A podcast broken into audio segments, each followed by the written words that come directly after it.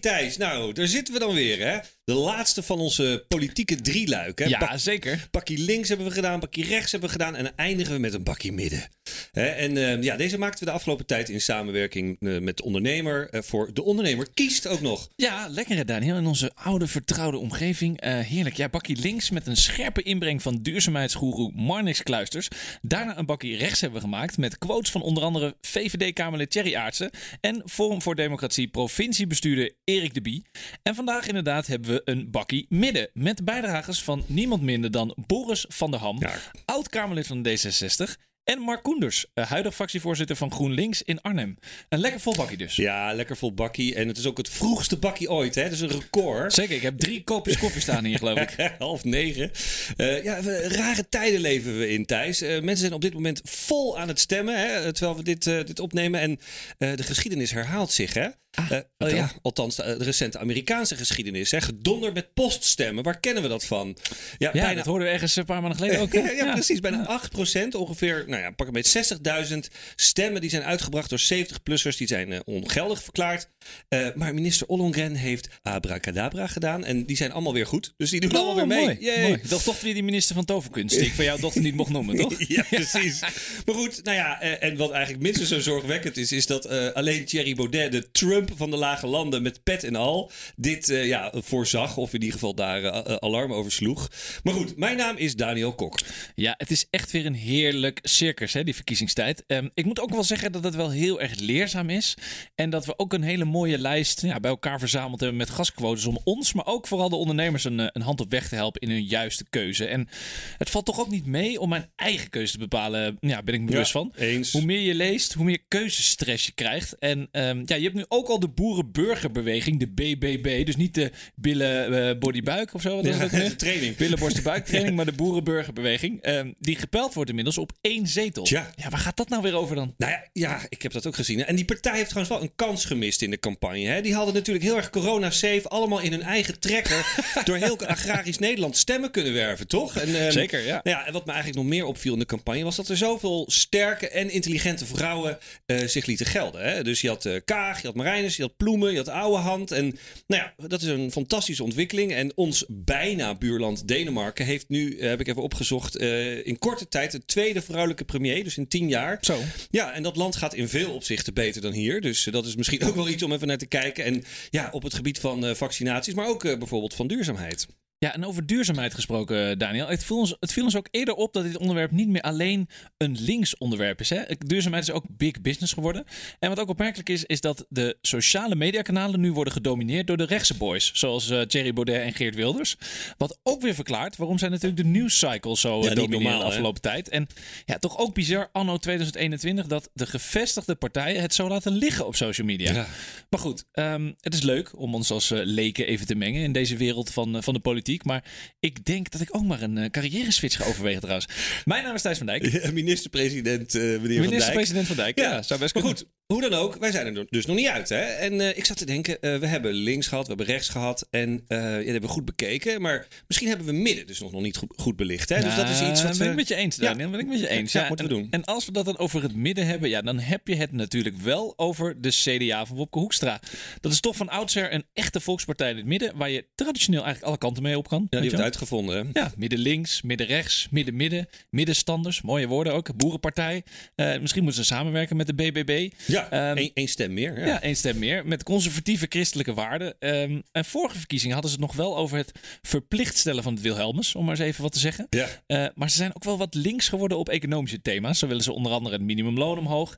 En straks zoomen we daar ook nog heel even op in hoe Wopke Hoekstra de ondernemers wil gaan helpen met zijn New Deal. Hè, een soort eh, Truman Show. Ehm, ja, want die was natuurlijk eh, de afgelopen weken bij de ondernemer kiest in het ondernemershuis een beetje kind aan huis. Ja, ja, zeker. Die hebben we vaak gehoord en gezien. Eh, Mini-Rutte noemen we hem eigenlijk een beetje.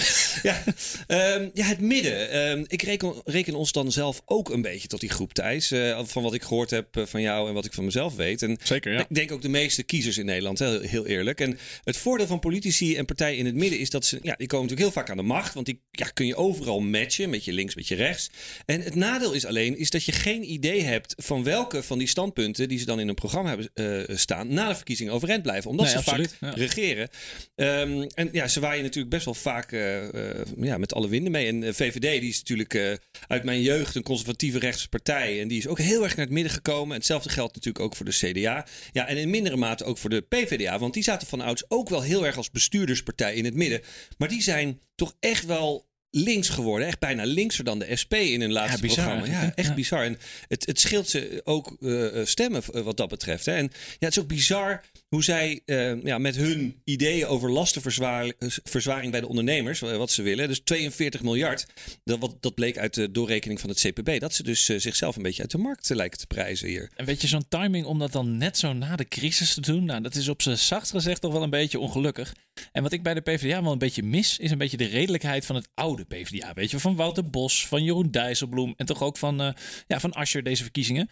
En hun oude statement klopte gevoelsmatig best wel heel erg goed. Ze zeiden natuurlijk, de sterkste schouders dragen de zwaarste lasten. En laten we daarom zoveel mogelijk sterke schouders creëren. Ja, en heel veel mensen in het midden van het spectrum zitten zo in de wedstrijd, denk Ja, ik. absoluut. En het nieuwe PvdA heeft, eh, wat mij betreft, toch gewoon aan relevantie verloren. En aan Ja. de linkerkant heb je veel hippere partijen aan de linkerkant om op te stemmen. En je hebt GroenLinks, je hebt D66 en Volt. En, ehm, ja, en als je heel erg teleurgesteld bent eh, in de maatschappij en de politiek, kun je altijd nog naar SP of, of naar de 50PLUS. En zelfs de PVV heeft eh, linkse, linkse standpunten. Maar ja, dat is toch ten koste van de PvdA. Ja. Ja, en PvdA klimt toch wel weer een tikkeltje op, hè? dankzij jouw advies natuurlijk in Ja, Bakje Links. Dat je zegt absoluut. van focus nou op de A van arbeid. Ja. Ja, ja de 50PLUS heeft het toch wat minder gedaan. Hè? Dan dat die, eh, die fitties in de partij toch een beetje doorakkerden. En ja, volgens mij staan ze in de laatste peilingen op Ja. nul zetels. Dat is echt. eh, Maar laag. goed, Daniel, wat je zegt, hè, diezelfde versnippering die zien we natuurlijk een beetje op, eh, op rechts.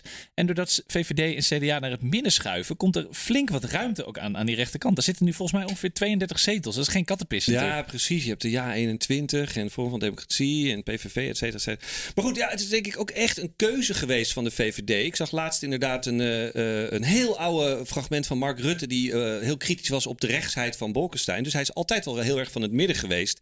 Het is echt een, een, een bewuste keuze geweest om die kant op te gaan. En eerlijk gezegd denk ik dat het een slimme keuze is geweest. Hè? Want klimaat en dingen als klimaatdiversiteit... maar ook de verbetering van de situatie van, van zwakkeren en zieken. Hè? Met corona is natuurlijk de zorg. Hè? Met zieken natuurlijk heel mainstream geworden. En ja, in bakkie rechts kwamen we al tot de conclusie... dat Rutte op dit moment de hele tijd... dus van links naar rechtse eh, punten We danst. gaan naar links.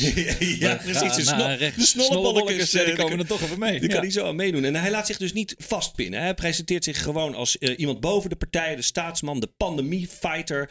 En eh, in zijn nationale herstelplan wilde hij ook de standpunten gebruiken van alle programma's. Weet je, om iedereen te verbinden. Eigenlijk noem ik hem een beetje de eerste zwevende premier die we hebben. Ja, dat vind ik wel echt een absolute mooie term, eh, Daniel. En trouwens, eh, er zweven op dit moment natuurlijk ook nog zo'n 50 of 60 zetels boven die Tweede Kamer. Dus die, die gewoon zweven Ja. aan het oppikken als een soort eh, Harry Potter op zijn, eh, op zijn bezemsteel. een zwerkbal. Op zijn zwerkbal. Ja. maar, eh, maar als je dus stemt op de VVD of CDA of D66, ja, dan heb je eigenlijk geen idee wat ze met je stem gaan doen. En deze drie zijn dan wel weer de favoriete combinatie van de ondernemers. Maar goed, Daniel.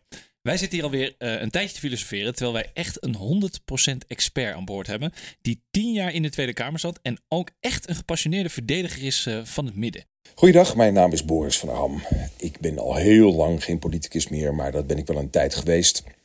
Eh, namelijk negen jaar geleden eh, nam ik afscheid als eh, lid van de Tweede Kamer voor D66. Dat was ik daarvoor tien jaar. En ehm, ja, ik beschouw mezelf wel als iemand van het midden. Dus het bakkie midden, dat neem ik graag tot mij. Eh, dat wil niet zeggen dat je altijd een beetje gemiddelde mening hebt. Want ik ben op sommige punten een beetje rechts. eh, op veiligheid bijvoorbeeld, of op buitenlandse zaken. Of, eh, ik vind ook dat je eh, eerst je geld moet verdienen voordat je het uitgeeft. Dus ook wat betreft begroting eh, en nadenken over hoe je met geld omgaat... vind ik het nog beter dat je verstandig daarmee omgaat. Daarin ben ik weer een beetje rechts. Maar eh, links ben ik bijvoorbeeld wat betreft het investeren in onderwijs, in het eh, opkomen voor een groen klimaat, voor milieu, voor milieubeleid ehm, en ook voor- bijvoorbeeld voor onderwijs. Dus ik vind al dat soort zaken ehm, eh, heel erg belangrijk. En dat maakt me uiteindelijk bij elkaar opgeteld tot iemand van het midden. En dat midden, daar moeten we het eigenlijk ook van hebben. Ook wat betreft al die maatregelen die we nu aan het bedenken zijn tijdens deze Tweede Kamerverkiezingen en tijdens de campagnes.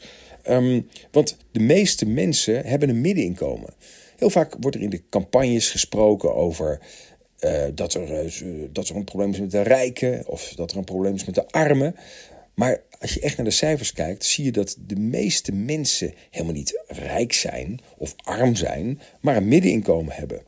dus heel vaak wordt er over de kloof tussen arm en rijk gesproken. Alsof er heel veel rijken zijn en alle andere mensen die niet rijk zijn, arm zijn. Dat is helemaal niet zo. De meeste mensen hebben een middeninkomen, wonen in rijtjeshuizen, wonen in, uh, uh, ja, in, in, in, in steden, in voorsteden, in, in gemeentes, kleinere gemeentes.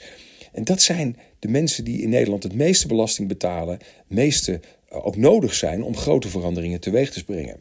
Dus als we het bijvoorbeeld over klimaat hebben, wat ik een heel belangrijk thema vind, dan moet je goed nadenken hoe al die mensen met die niet al te hoge inkomens toch in staat zijn om mee te doen. Om ook te investeren in uh, meer uh, energiebesparing bijvoorbeeld. Want als die mensen meedoen, als die mee kunnen helpen, ook financieel, aan die omslag, dan maak je opeens heel erg grote stappen. Omdat het namelijk de meeste mensen in Nederland zijn die dat dan kunnen doen. Um, en wat je ziet toch, en dat vind ik niet goed in het politieke debat, dat het eigenlijk dan alleen maar gaat over de allerrijkste mensen en de allerarmste mensen. Daar moet je zeker oog voor hebben. Maar de grote omslag in Nederland moet komen van mensen met een middeninkomen. En daar mag het wat mij betreft veel meer over gaan tijdens deze Tweede Kamerverkiezingen. Ja, dat is wel interessant wat hij zegt. Hè? Kijk, eh, die middeninkomens en die middenstand, ja, dat, die zijn toch wel cruciaal om verandering uh, op gang te brengen. En hoe kunnen die middenstanders nou eigenlijk meehelpen om een omslag te bereiken op het gebied van klimaatverandering? Dat is best wel een interessant uh, perspectief, moet ik zeggen. En klinkt ook ergens wel weer heel erg uh, logisch. En in bijna alle debatten gaat het eigenlijk over de extreme van steenrijk en straatarm. Nou, dat is natuurlijk ook het prachtige programma hè? bij, bij RTL of bij SBS. Ja. terwijl eigenlijk het percentage middenstanders met een, met een modaal en normaal inkomen eigenlijk gewoon veel groter is, wat Boris ook terecht zegt. En ja, het midden wordt vaak een beetje overgeslagen in de plannen. En ik ga denk ik op Boris stemmen, Daniel. Oh nee, shit. ja. kan, kan, helaas Zou mooi zijn. Hmm, dan toch wellicht Sigrid Kaag me overwegen. Nou, Sigrid Kaag, ja, ik ken genoeg mensen die uh, haar gaan stemmen. En je ziet dat ook inderdaad gebeuren in, uh, in de peilingen. En die zien haar als serieus alternatief voor Rutte. En, maar weet je wat, Thijs? Wat Boris zegt komt er heel, heel dicht in de buurt bij hoe ik erover denk. Hè? En ik zal je wat vertellen. Ik ben uh, ook één keer heel dichtbij geweest om op, om op hem te stemmen. Net niet. Ja, nou ja, weet je, daar heb ik toen op Twitter zelfs met hem contact over gehad. Dat zal hij zich vast niet meer herinneren, want dat, hij deed natuurlijk niet anders. Maar toen ben ik uiteindelijk toch afgehaakt omdat D66 al haar kroonjuwelen uit het raam had gegooid. Um, en daar was ik toch wel eigenlijk wel voor. Weet je, de gekozen burgemeester en referenda. En toevallig gisteren in het einddebat, in het slotdebat, zag je ook Marijnissen die Kaag aanviel op het feit dat ze hun oude kroonjuwelen uh, inderdaad uh, hadden uh, laten liggen. En, maar goed, ja, ik bedoel, ik wou net zeggen, daar hoor je bijna niemand meer over. Maar toevallig kwam het gisteren ineens te sprake. Ja, ja toch weer even andere tijden, politiek. met Daniel Kok. Terug in de tijd. Terug in de tijd. Leuk, misschien moet je dan ook je polygoonstem op gaan zetten. Landgenoot. en Boris van Ham. ja. Nou, anyway. Even terug naar de middenkampioen van alle tijden. De partij die het midden ongeveer heeft uitgevonden. De CDA. Wopke Hoekstra zegt dit. Hij wil noodlijnende MKB-ondernemers en familiebedrijven financiële lucht geven na corona. Veel verdieners en winnaars van de crisis, zoals supermarkten, krijgen de rekening gepresenteerd via een tijdelijke solidariteitsheffing. En het CDA-voorstel sluit eigenlijk wel ook wel naadloos aan op een blog wat ik onlangs uh, las bij de ondernemer van uh, econoom en retail-expert Cor Molenaar. En die pleiten ook voor een soort solidariteit tussen de sterkere en de zwakkere in de samenleving. Ja, ja, ja, dat heb ik inderdaad gelezen. Ik zat echt te denken, ja, hoe, hoe gaan we dat dan doen? Uh, dan gaat de supermarkt de kroeg om de hoeken helpen. Dus dan, ja, dan komt de Lidl ineens met duizend speciaal biertjes en 400 stukjes kaas die bijna over datum zijn. Die komen ze bij de kroeg brengen of zo. Ja, bizar. ja. ja nou, denk ik. Nou, ze hebben Thomas Akda, dus die zou dat zomaar kunnen doen. Leuk liedje erbij. Of wat denk je van bijvoorbeeld Coolblue? Die gaat dan samen met bol.com teruggeven aan de HEMA en de Blokker. Om ze een beetje in het voorjaar uh, door te helpen. Solidariteit. Hè? Maar goed, um, Volgens Hoekstra is het op de korte termijn vooral urgent dat bedrijven de coronacrisis overleven. Nou, dat is ook exact wat, uh, wat Rutte zegt en wat Thierry Aarts natuurlijk ook zei in ons uh, bakje rechts. En door de introductie van het zogenaamde MKB Herstelfonds en om meer ruimte om verliezen in de toekomst te mogen compenseren, krijgen die bedrijven dus volgens hem extra zuurstof om op adem te kunnen komen en hun toekomst zeker te kunnen stellen. Maar best interessante ja, standpunt. Ja, ja, nou ja, en met zuurstof, dat is een mooie metafoor, daar bedoelen ze natuurlijk gewoon harde cash mee. Hè? En, ja, absoluut. Ja, En Hoekstra is ook in de campagne echt die minister van Financiën. Hè? Hij is al heel sterk op uh, financieel-economische uh, uh, verhalen en, en, en debatten. En ja, normaal werkt zo'n zakelijke houding in een crisis, dat werkt altijd heel goed in een campagne. Maar nu heeft hij Rutte tegenover zich, die eigenlijk een soort van nou ja, tweelingbroer is, maar net een iets betere. Net een leukere tweelingbroer. Ja, precies. Net een tikkie bekender, tikkie vertrouwder voor de mensen. En ja, in de peilingen draait CDA niet zo lekker. Hoekstra is ook echt best wel nieuw in al die debatten en zo. Dat merk je een beetje. Het is allemaal nog een beetje uh, houterig. Maar goed, ik denk toch dat er um, ja, toch aardig wat, uh, wat ondernemers op hem gaan stemmen hoor. Ja, wat ik ook las is dat hij wel wil investeren in kennis en innovatie. En, en, en daarvoor hebben ze het Wopke Wiebesfonds bedacht. Ja, ja. Van 40 miljard uh, euro. En ik zat het te lezen en ja, ik vond het eigenlijk weinig concreet worden. Ja, fantastisch natuurlijk, een heel fonds. Maar Waarom een fonds? Dat is dan toch gewoon de overheid die het geld heeft? Ja, en weet je wat? Het is ook een hele slechte naam. Hè? Wopke Wiebesfonds, weet je wel? Dat klinkt gewoon niet lekker, Nee, weet je wel? En, niet, eh, nee. en dan zijn het ook nog de namen van twee mannen die het volk associeert met de toeslagenaffaire, weet je? Met name Wiebes dan natuurlijk. En ja, waar allerlei burgers eh, vervolgens daaraan onderdoor gegaan zijn. Nee, dat is toch niet iets wat je echt eh, als fondsnaam naar buiten wil brengen? Nogal wiebes, Daniel, zouden we Ja. moeten zeggen. Nou, Nee, Kijk, ja, dat is wel weer goed. Dat is nogal, dat is wel weer goed. Ja, die is al gestolen. Dus dat is een beetje een gestolen quote. Nee, ze hadden misschien beter het Omtzigt-fonds kunnen doen. Maar Ja. die Pieter Omtzigt die werd toch een beetje te populair. Ook naar aanleiding natuurlijk van alle shout-outs die wij hem gaven in de, in de podcast. Ja, die zit nu tijdens de verkiezingen opgesloten in zijn huis. eh, zijn eigen boek te lezen of ergens te signeren in een of andere Scheltema. Ja, Ja. is eigenlijk wel triest hoor, moet ik zeggen. Voor, voor een van, nou, voor mij nog steeds de helden van de toeslagenaffaire. Absoluut, absoluut. Nou, ja. nou, en nog even over die naam dan. Hè. Ik heb even voor de grap gekeken op de website van een gemiddeld vermogensbeheerder, BlackRock, niet- non-spon. Ehm, en ik, eh, ik heb daar even gekeken wat, wat, hoe zij hun fondsen noemen. En dat is een Circular Economy Fund, de Physical Gold Fund, de Global Opportunities Fund. Weet je wel, dat zijn baan, weet je. Dat zijn Ja, echt dat klinkt wel lekker. Wo- Wopke Wiebes Fund. ja, dat klinkt niet Nee. goed. En ja, het klinkt als succes. Dus je moet iets van het nieuwe Nederlandse winnaarsfonds of zo. Weet je, wel. je moet iets echt, echt hebben waarvan mensen denken: wauw. Dus eh, ja, ik denk dat eh, Wopke Wiebers even gerebrand moet worden. En daar kunnen wij dan wel bij helpen, toch, Thijs? Ja. Weet je, hè? give us a call. Ja, en als je nog goede ideeën hebt, die mag je natuurlijk ook altijd eh, eh, inzenden, Ja, toch? Als, je, mensen- als, als luisteraars een in, goede inzending hebben, stuur het naar ons in. En nou ja, we nemen het mee. We nemen- zitten heel dicht op de macht tegenwoordig. ja, hè? exact. We nemen het mee in de, in de, in de verkiezingen voor de naam van het Wopke Wiebesfonds. Mooi. Nou, even wat zelfpromotie. Dat kan natuurlijk best eh, bij Bakkie Media. En nu we het toch over fondsen, groei en andere financiële turbotaal hebben, moeten we toch ook even naar onze andere quote gaan luisteren. Mark Koenders. Heel eerlijk, we hadden hem eigenlijk ook in eh Bakkie Links natuurlijk kunnen gebruiken. Maar ja, Zeker. zijn quote gaat eigenlijk over meer dan alleen links en rechts. Dus vandaar, Mark, take it away. Ha mensen van Bakkie Media, ik ben Mark Koenders, fractievoorzitter van GroenLinks in Arnhem. En als je mij vraagt wat het thema moet zijn van deze verkiezingen, dan is het wel de aanpak van klimaatverandering. Zeker als we ons bedenken dat het bijna 50 jaar geleden is dat de Club van Rome het rapport De Grenzen van Groei uitgaf. En een jaar later, in 1973, premier Den Uyl zijn toespraak over de oliecrisis zei: Zo bezien keert de wereld van voor de oliecrisis niet terug. Dat het dan na 50 jaar überhaupt nog de vraag is of dit een belangrijk thema moet zijn, is eigenlijk bijna bizar. En een van de dingen waar ik denk dat het aan kan liggen, is dat voor sommigen duurzaamheid een soort van elitespeeltje is. Als iets waar je het nog over kan hebben als je tijd of geld over hebt. Maar niks is minder waar. Want zoals de Amerikaanse politicus Alexandria Ocasio-Cortez al zei, this is not an elitist issue. De aanpak van klimaatverandering is allesbehalve een elitevraagstuk. Denk bijvoorbeeld aan de mensen in New Orleans waar de gevolgen van overstromingen juist bij de arme bevolking terechtkwamen. Of dichter bij huis mensen die in oude sociale huurwoningen wonen met slechte isolatie met als gevolg torenhoge energierekeningen en schulden. Of denk aan Ella, een meisje van 9 jaar oud dat in 2013 overleed. En het duurde tot eind vorig jaar tot haar doodsoorzaak eindelijk erkend werd. Zij is de eerste persoon die officieel is gestorven aan de gevolgen van luchtverontreiniging. Ze woonde aan een drukke straat in Londen, zoals heel veel mensen over de hele wereld die arm zijn, wonen aan drukke, luchtvervuilende straten. En daar moeten deze verkiezingen over gaan. Niet of, maar hoe we de klimaatcrisis aanpakken. Waarbij we ons dus moeten realiseren dat het niet alleen gaat over zonnepanelen, olie of windmolens, maar dat de klimaatcrisis ook een gelijkheidscrisis is. Dat het gaat over klassenongelijkheid, over racisme. En dat betekent dus dat er grenzen zijn aan de groei, maar dat het gaat over de herverdeling.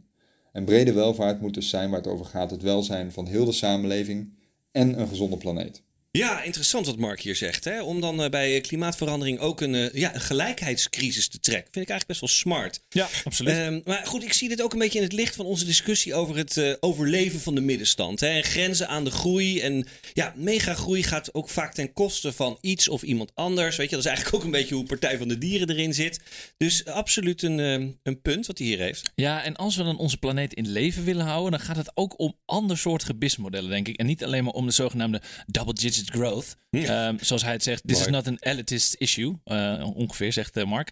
Kan ik me wel in vinden. En eh, al denk ik nu dat mensen toch een beetje een soort corona-tunnelvisie hebben. En dat klimaatverandering en stikstof en al die andere discussies pas volgend jaar of misschien het jaar erop Ja. weer een discussiepunt worden. Ja, ja, ja, ja, ja. op dit moeilijke moment zien veel ondernemers helaas klimaatmaatregelen, denk ik, toch als een kostenpost. Ja, nee, dat denk ik ook. Ja. Ja, en ik, ik denk dat heel veel echte nou ja, klimaatstrijders, zoals Mark, dit echt verschrikkelijk vinden. Hè? Maar, Arme Greta Thunberg ja, ook. Ja, het is ook zielig. maar goed, ehm, ja, sowieso, hè, dat heb ik ook wel gehoord. Ze zien dan ook corona als een soort afleiding, omdat eigenlijk die klimaatcrisis in, hè, in hun verhaal natuurlijk ook veel groter en, en, en belangrijkere dreiging is. En daar hebben ze eh, wellicht ook een punt. En, ehm, maar goed, dan denk ik toch ook weer terug aan de quote van Boris. Hè, als je dan zegt van, eh, hoe gaan ondernemers hiermee om? Het is vooral die massale middengroep zeg maar de hardwerkende groep die het verschil moet maken. En veel van die mensen, ondernemers, die bloeden op dit moment. En ja, de steunmaatregelen die gaan eerdaags ook afgebouwd worden. Dat kan altijd Geld is niet- op. Ja, Ja. dat kan niet altijd doorgaan. En alle plannen die wij nu bespreken, hè, die, waar de politici mee komen, die komen natuurlijk op, op z'n vroegst pas. Na de formatie komen ergens in najaar eh, komen die naar voren. Dus eh Ja, is toch eens. even wachten. Je moet toch Ja. eventjes je, je hoofd boven water houden. En ik weet niet of je dan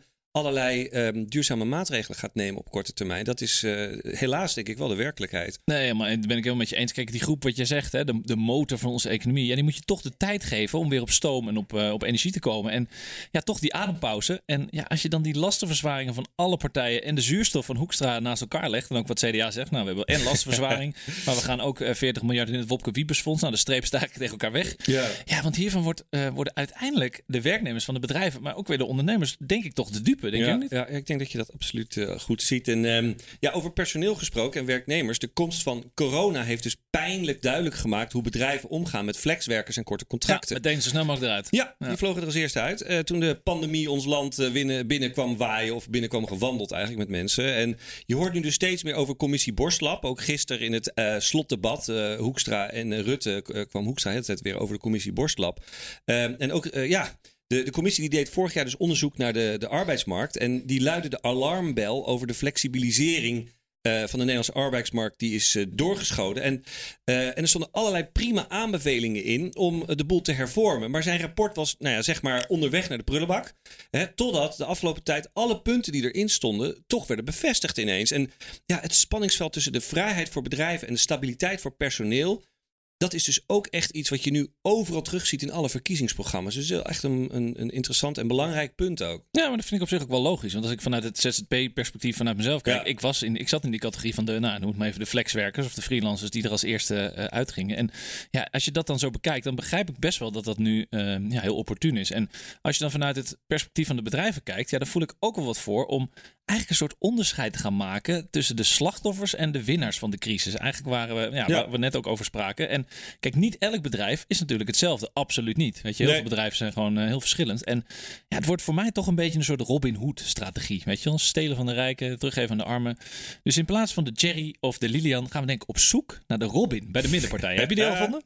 Oh, kijk, ja, de namelarij is toch wel heel belangrijk deze verkiezingen. En eh, nee, ik, eh, ik geloof dat, dat heel veel mensen daar wel ehm, mee eens zijn, toch? Dit CDA-standpunt ook. En, maar goed, ook eh, Thijs, ook goed nieuws. De Rabobank Ah, fijn, die ja. schat in dat de economie met het huidige tempo van vaccinaties eind dit jaar weer op pre-corona-niveau zit. Hè? Dus dat is goed nieuws. Ja, En- we gaan al ons geld natuurlijk gewoon uitgeven straks. ja, absoluut. Doordat alles eh, ook geleidelijk open gaat, kunnen we weer overal onze centjes laten rollen. En alleen, ja, het, eh, het enige issue schijnt te zijn dat de werkloosheid dan weer tijdelijk flink opgelopen zal zijn tegen die tijd. En dan moet je als bedrijven, eh, of eigenlijk als overheid, moet je de bedrijven even de tijd geven om de boel weer op te starten. Dat is eigenlijk wat we net over hadden. En eh, nieuwe bestellingen verwerken, een beetje vet op het bot, weet je, zorgen dat er wat geld op de rekening komt. En ja, en dan kunnen er ook weer mensen worden aangenomen, weet je. En dan groeit de business weer. Dus je moet het heel even de tijd geven. Ja, fijn. In 2022 zijn we ongeveer weer een beetje normaal doen. Dat is het nieuwe normaal ontstaan. Maar goed, Daniel, even wat anders. Even wat hè, positieve kader te blijven. In. Kijk, in de campagne hebben we de afgelopen weken iets bijzonders gezien. Waardoor wij denken dat dit een nominatie verdient voor de Gouden Barista. De Gouden Barista. Ja, daar zijn we weer. Elke aflevering nomineren we iets of iemand die we bijzonder vinden. En aan het einde van het jaar reiken we dan de prijs eh, ja, uit. Dat doen we dan virtueel. Of hybride. We kunnen het Ja, vanaf, precies. hè? Ja, We misschien kunnen, mogen we wel. Nou, misschien mogen we wel. Misschien mogen we wel in, een, in zo'n soort hazmat suit, in zo'n wit pak, kunnen we dan die prijs langs brengen. Ja, met, een, met onze eigen mondkapjes-gate gaan we gewoon eh, gaan we ja, brengen. nou, dat is een goed idee. Maar goed, ja, de, de, de gouden barista van, eh, van vandaag is weer een hele bijzondere. Nou, inderdaad, Daniel, dat klopt. De prijs van Bakkie Media door Bakkie Media voor Bakkie Media luisteraars. Het is een van de grootste verrassingen van de afgelopen weken. Was toch wel het programma Nieuwsuur. De NPO kreeg de afgelopen tijd behoorlijk wat kritiek te verstouwen. hè, Dat ze partijdig waren, niet kritisch waren. Maar door Nieuwsuur met presentatoren Jeroen Wollaars en Marielle Tweebeke voorop... werden echt verschillende lijsttrekkers links en rechts genadeloos aangepakt. Alle kanten opgeslagen, weet je wel. Vooral Klaver, Hoekstra, maar ook eh, Sigrid Kaag. En zelfs de soepele prater Mark Rutte, die werd gewoon nerveus. Hij zat een beetje te schutteren met een glas. Ja, en Farid Azarkan van Denk en Geert Wilders van de PVV... die durfden vervolgens niet meer langs te komen met bange smoesjes. En ja, eh, Klaver die werd eh, echt, echt hard aangepakt op, eh, op bio- biomassa. Hè, over dat het eigenlijk niet werkt. En eh, Rutte die werd echt om de oren geslagen met al zijn ver- eh, gebroken verkiezingsbeloften. Onder andere meer blauw op straat. Stond gewoon een agent te zeggen van... nee, ik ben teleurgesteld. En nou, dat had hij toch eventjes lastig. En Kaag die kreeg het om de oren over de, de steun van de Nederlandse overheid aan terroristen... onder haar verantwoordelijkheid als minister van Buitenlandse Zaken. En ja, en Ploemen en Marijnissen die werden vooral over hun wokeness werden ze geconfronteerd. Dat was echt Ja, wel... maar dit is toch wat we als kiezers Ja. ook willen zien, Daniel. Ik, las vanochtend ook in het FD dat ze eigenlijk zeiden... de verkiezingen komen net op tijd voor Mark Rutte. Want je ziet hem een beetje de danende lijn inzetten. En ze Ja, zeggen, nou, het is ja, mooi ja. dat er vandaag verkiezingen zijn. Want anders hadden we nooit geweten hoe, het, nou, hoe de daande lijn had, eh, had doorgezet. Maar interessant natuurlijk, weet je wel. Leg ze maar even op de pijnbank. Even kijken wanneer de bovenlip van Wopke Hoekstra gaat zweten of zo, weet je wel. Nou, de ultieme beloning voor dit eh nieuwsuurteam... was toch wel een schitterende bewerking van het lied Empire State of Mind van Alicia Keys. eh, door Arjen Lubach en Sosja Duisker. Laten we even een stukje horen. Hey Farid, waar ben je dan? Ben je echt die bange man? Ben je echt zo laf of ben je Farid fucking Azarkan? Wat vindt Toenahan daarvan? Denkt die dat je wol aan kan? Lekker in je caravan met de lange arm van Erdogan. Ga gewoon naar Nieuwsuur dan, als wol je wil ontbieden. Over fitties in je fractie of Armeense genocide. Concurrenten werden onverdoofd geslacht, dat jij al lang door. Daar had jij geen zin in, joh, en daarom ben je bang voor.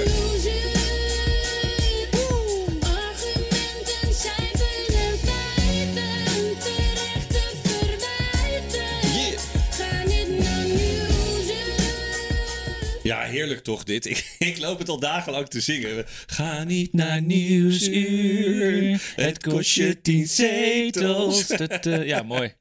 Echt een terechte nominatie van, eh, van Nieuwsuur. Maar wat helemaal mooi is, dat is eigenlijk vers van de pers...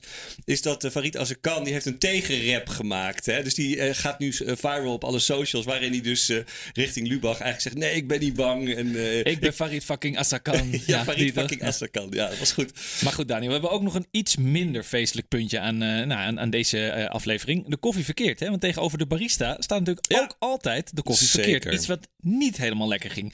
Wat hebben we daar vandaag voor in de aanbieding, eh, Daniel? Nou ja, Thijs, we leven in een van de meest welvarende landen ter wereld. Hè?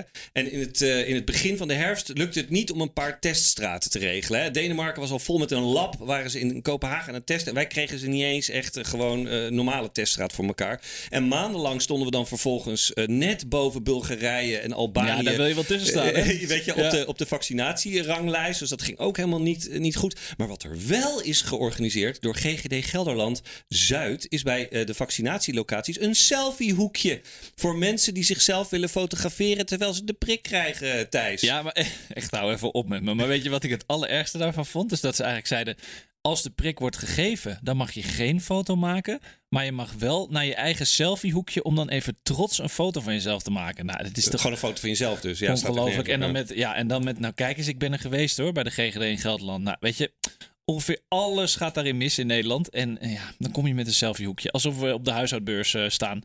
Kappen met die camera, mensen. Dit is een medisch momentje. Beetje privacy. En belangrijker nog, ehm, ja, een beetje tempo erin. Ik bedoel, Ja, we zijn- kappen staan met nu- die foto's. Kappen met die foto's. Ja. Hup, op, eh, opschalen met die handen. Nee, dat is, wat is het volgende, joh? Dat je echt eh, een soort vlog doet tijdens een open hartoperatie of zo. Nee, dit is echt, dit kan echt niet. En de koffie verkeerd gaat echt helemaal verdiend naar de GGD Gelderland Zuid. Maar eigenlijk nog veel meer naar al die zwakzinnige selfie-debielen die daar dus echt eh, de boel staan op te houden. Echt, eh, Ja, we gaan van corona-wappies gaan we naar selfie-wappies. Zo nou, is het. Daniel, wij zijn inmiddels alweer aan het einde gekomen van deze speciale eh, Bakkie Binnenhof aflevering eh, rondom het midden. En deze is als gebruikelijk terug te luisteren op alle bekende podcastplatformen. Ook zijn we terug te vinden bij onze mediapartners, De Ondernemer, Adformatie en Topcast Media. Je kunt ons ook vinden op de sociale media, op Twitter via @bakjemedia, op Instagram via podcast en ook op Facebook voor onze familie en vrienden. Tot de volgende keer. Doei doei!